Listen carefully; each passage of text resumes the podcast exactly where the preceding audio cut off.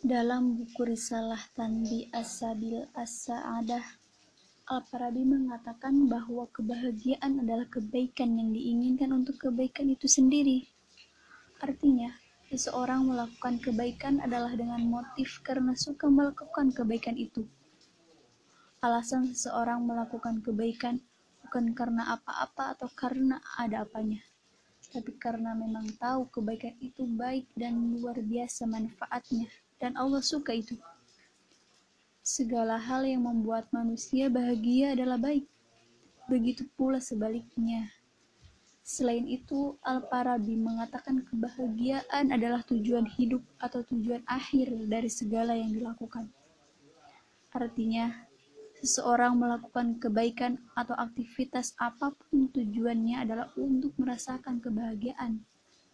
Misalnya, seseorang menjadi pribadi jujur, ikhlas, tidak sombong, menolong orang lain, maupun rajin, tujuannya karena ingin bahagia. Tidak ada lagi yang ingin dituju selain ingin bahagia. Tuhan pun menciptakan manusia untuk bahagia. Allah menyediakan semuanya untuk manusia. Allah selalu mempermudah. Allah selalu mempermudah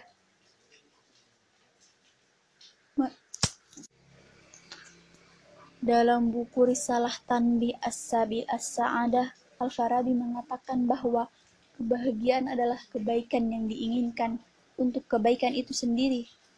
Artinya, seseorang melakukan kebaikan adalah dengan motif karena suka melakukan kebaikan itu. Alasan seseorang melakukan kebaikan bukan karena apa-apa atau karena ada apanya, tapi karena memang tahu kebaikan itu baik dan luar biasa manfaatnya dan Allah suka itu. Segala hal yang membuat manusia bahagia adalah baik. Begitu pula sebaliknya. Selain itu, Al-Farabi pun mengatakan, kebahagiaan adalah tujuan hidup atau tujuan akhir dari segala yang dilakukan. Artinya, seseorang melakukan kebaikan atau aktivitas apa pun, tujuannya adalah untuk merasakan kebahagiaan. Misalnya, seseorang menjadi pribadi jujur, ikhlas, tidak sombong, menolong orang, menolong orang lain, maupun rajin. Tujuannya karena ia ingin bahagia. Tidak ada lagi yang ingin dituju selain ingin bahagia. Tuhan pun menciptakan manusia untuk bahagia. Allah menyediakan semuanya untuk manusia. Allah selalu mempermudah manusia karena Tuhan ingin manusia bahagia dan tak ingin manusia susah. Jadi, kalau manusia tidak bahagia saat Tuhan telah mempermudah dan telah memberi segalanya kepada manusia, berarti tidak secara tidak langsung manusia sedang menyinggung perasaan Tuhannya. Rumus bahagia itu simple. Yang pertama, pikiran. Hari ini, detik ini, kamu bisa langsung merasakan bahagia meskipun sedang sumpah. Kebahagiaan hidupmu tergantung kualitas dari pikiranmu. Tergantung pikiranmu. Berarti apa? Sekarang ayo dinikmati. Ada urusan berat, ada urusan seberat apa pun. Tinggal alah, sekarang ngopi-ngopi aja dulu. Nyeblak-nyeblak aja dulu Nah, santai. Nah, kan bisa tuh detik-detik itu juga kamu bisa bahagia. Bahagialah.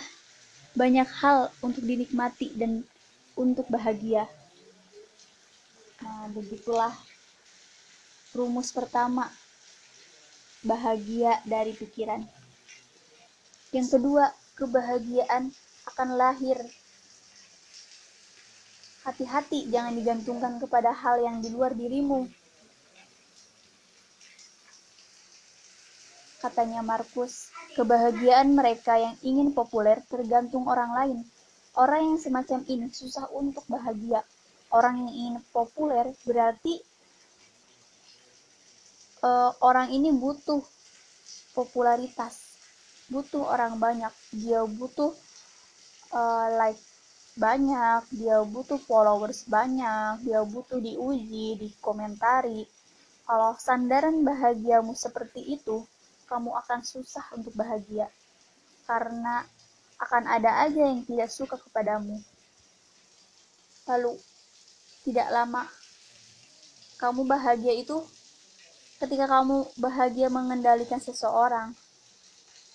Bahagia kamu itu akan sementara. Bahagia itu, kata Markus, tirulah orang-orang bijaksana. Bahagia itu apa? Dalam kebebasan, dalam kebebasan mereka dari segala keterikatan. Berarti apa? Yang ditemukan dari dalam dirimu saja, tidak perlu diikat apa pun dari orang lain, dari luar dirimu dengan pikiranmu saja. Dengan pikiranmu saja sekarang, kamu sudah bisa bahagia. Kok ngapain capek-capek cari ketergantungan di luar sana? Nah, jadi itu rumusnya bahagia. Pikiranmu, kemudian yang kedua, jangan diikat oleh yang di luar dirimu. Dan yang ketiga, jalani kebahagiaanmu sesuai fitrah.